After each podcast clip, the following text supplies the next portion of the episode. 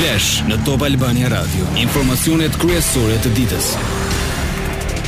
Po ndiqni përmbledhjen e orës 16:00 unë jam Ani Bame.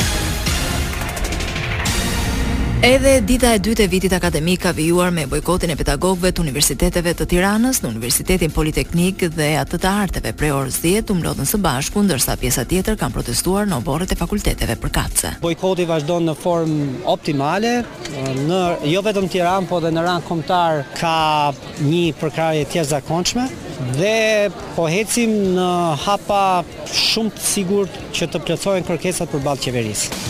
Bojkotimi është në vijimësi, i pandërprerë, edhe nga filologjiku, edhe nga drejtësia, kishte pjesëmarrje më shumë se sa dje, kurse Fakulteti i Shkencave të Natyrës sot kishte pothuajse edhe njëzet për qind më shumë se sa dje.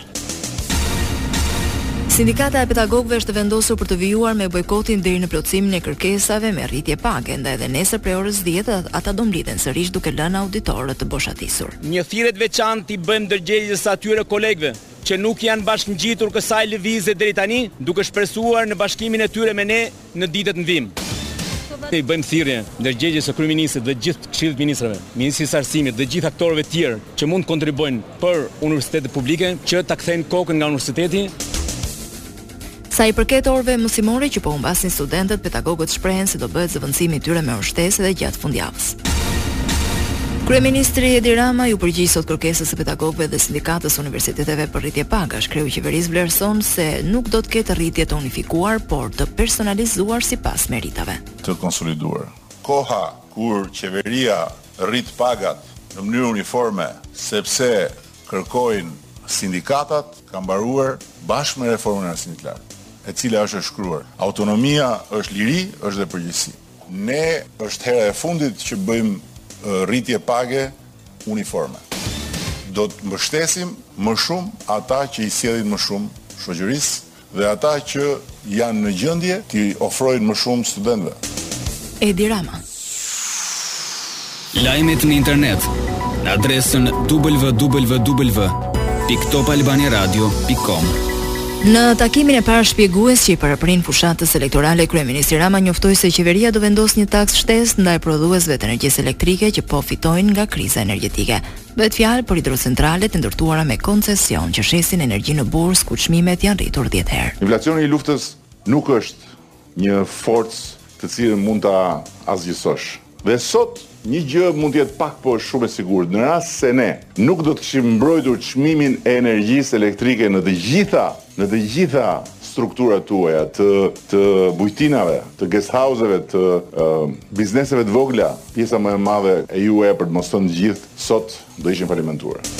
Kryeministri Rama tregoi për planin e qeverisë i lidhur me prodhuesit e energjisë. Ne po diskutojmë vendosjen e një tatimi të jashtëzakonshëm për prodhuesit e energjisë. Sepse prodhuesit e energjisë, ata të cilët e prodhojnë dhe e shesin, kanë fitime marramendëse. Fitime marramendëse të cilat vijnë nga fati, fitime të fatit, sepse faktikisht nuk kanë bërë asgjë për të pasur shumëfishin e fitimeve. Taksa që ne duam të vendosim është jo një taksë për të rritur të ardhurat në mënyrë abstrakte, por për të kaluar nga prodhuesit tek njerëzit, drejtpërdrejt.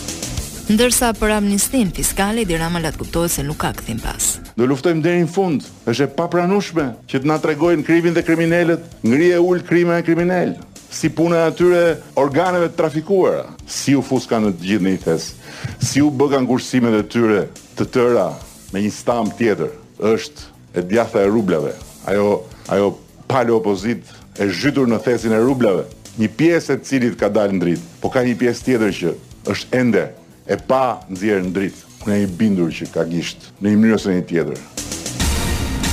Më shumë se tridhjetë e pesë mijë shqiptarë pritet t'i shtohet numrit të të varfërve në vend si rrjedhojë e ndikimit që do ketë lufta në Ukrainë, ndërsa për Kosovën shifra është akoma më e lartë dhe arrin në dyzet e një mijë e katërqind e pesëdhjetë persona, Shifrat janë publikuar në raportin e fundit të UNICEF-it për pasojat e luftës në varfërinë e fëmijëve, ku Shqipëria dhe Kosova kanë vlerësimin më të lartë për popullsinë që do bjerë në varfëri në rajon.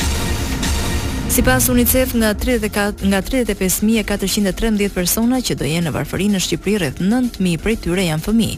Kjo rritje e varfërisë do përkthehet në 743 vite të humbura shkollimi, vlerëson UNICEF. Pasojat e varfërisë së fëmijëve shkojnë shumë përtej vështirësive financiare të familjeve. Sa më e varfër të jetë një familje, aq më e madhe është përqindja e të ardhurave të shpenzuara për nevojat bazë, si ushqimi apo karburantet. Lajme nga bota. Një hetim mbi dëmtimet në dy tubacionet e gazit në Nord Stream në Detin Baltik tregon se rrjedhjet janë shkaktuar nga shpërthime të fuqishme, lajmin e bëri të ditur policia e Kopenhagenit. Besohet se Rusia qëndron pas shpërthimeve, ndonëse Moska e mohon. Ka dyshime se bëhet fjalë për sulme të paramenduara duke përdorur eksplozivë nënujorë. Sipas raportit, minat mund të jenë vendosur me dronë nënujorë. Presidenti ukrainas Volodymyr Zelensky deklaroi sot se forcat ruse kanë shkatërruar një të tretën e stacioneve ukrainase të energjisë përmes sulmeve të vazhdueshme që kanë shënjestruar infrastrukturën kyçe dhe kanë shkaktuar ndërprerje të mëdha të rrymës. Prej 10 tetorit, 30% e stacioneve të energjisë janë shkatërruar, duke sjellë ndërprerje në të gjithë Ukrainën, ka thënë Zelensky në Twitter. Ai shtoi se nuk ka mbetur vend për negociata me regjimin e Vladimir Putin. Shërbimet sekrete të Gjermanisë lëshojnë alarmin për rrezikun e atentateve politike në vend, të cilat mund të urdhërohen nga Moska. Spiunët rusë të pranishëm në Gjermani mund të aktivizohen dhe të bëhen të rrezikshëm për disidentët dhe politikanët, tha Thomas Haldenwang, kryetar i Inteligjencës së Brendshme. Ai shton se nga rivaliteti sistematik është kaluar në një konflikt të hapur. Sport. Karim Benzema është shpallur lojtari më i mirë në botë për vitin 2022. Francezi fitoi Topin e Artë dhe theu hegjemoninë e Messi dhe Ronaldo që dominuan skenën e futbollit për më shumë se një dekadë. Trofeu i shkoi francezit pas triumfit në Champions League me Real Madrid, Klubi më i mirë u shpall Manchester City. Parashikimi i motit. Edhe orët në vijim vendi ynë do jetë në dominimin e masave ajrore të qëndrueshme. Priten kalime të pakta të vranësirave më të fokusuara në zonat malore dhe pjesërisht në ultësirën perëndimore. Temperaturat e ajrit luhaten në vlera ditore nga 7 në 27 gradë Celsius. Këtu kemi përfunduar, mirë u dëgjofshim në edicionin e orës 17. Kjo është Top Albania Radio.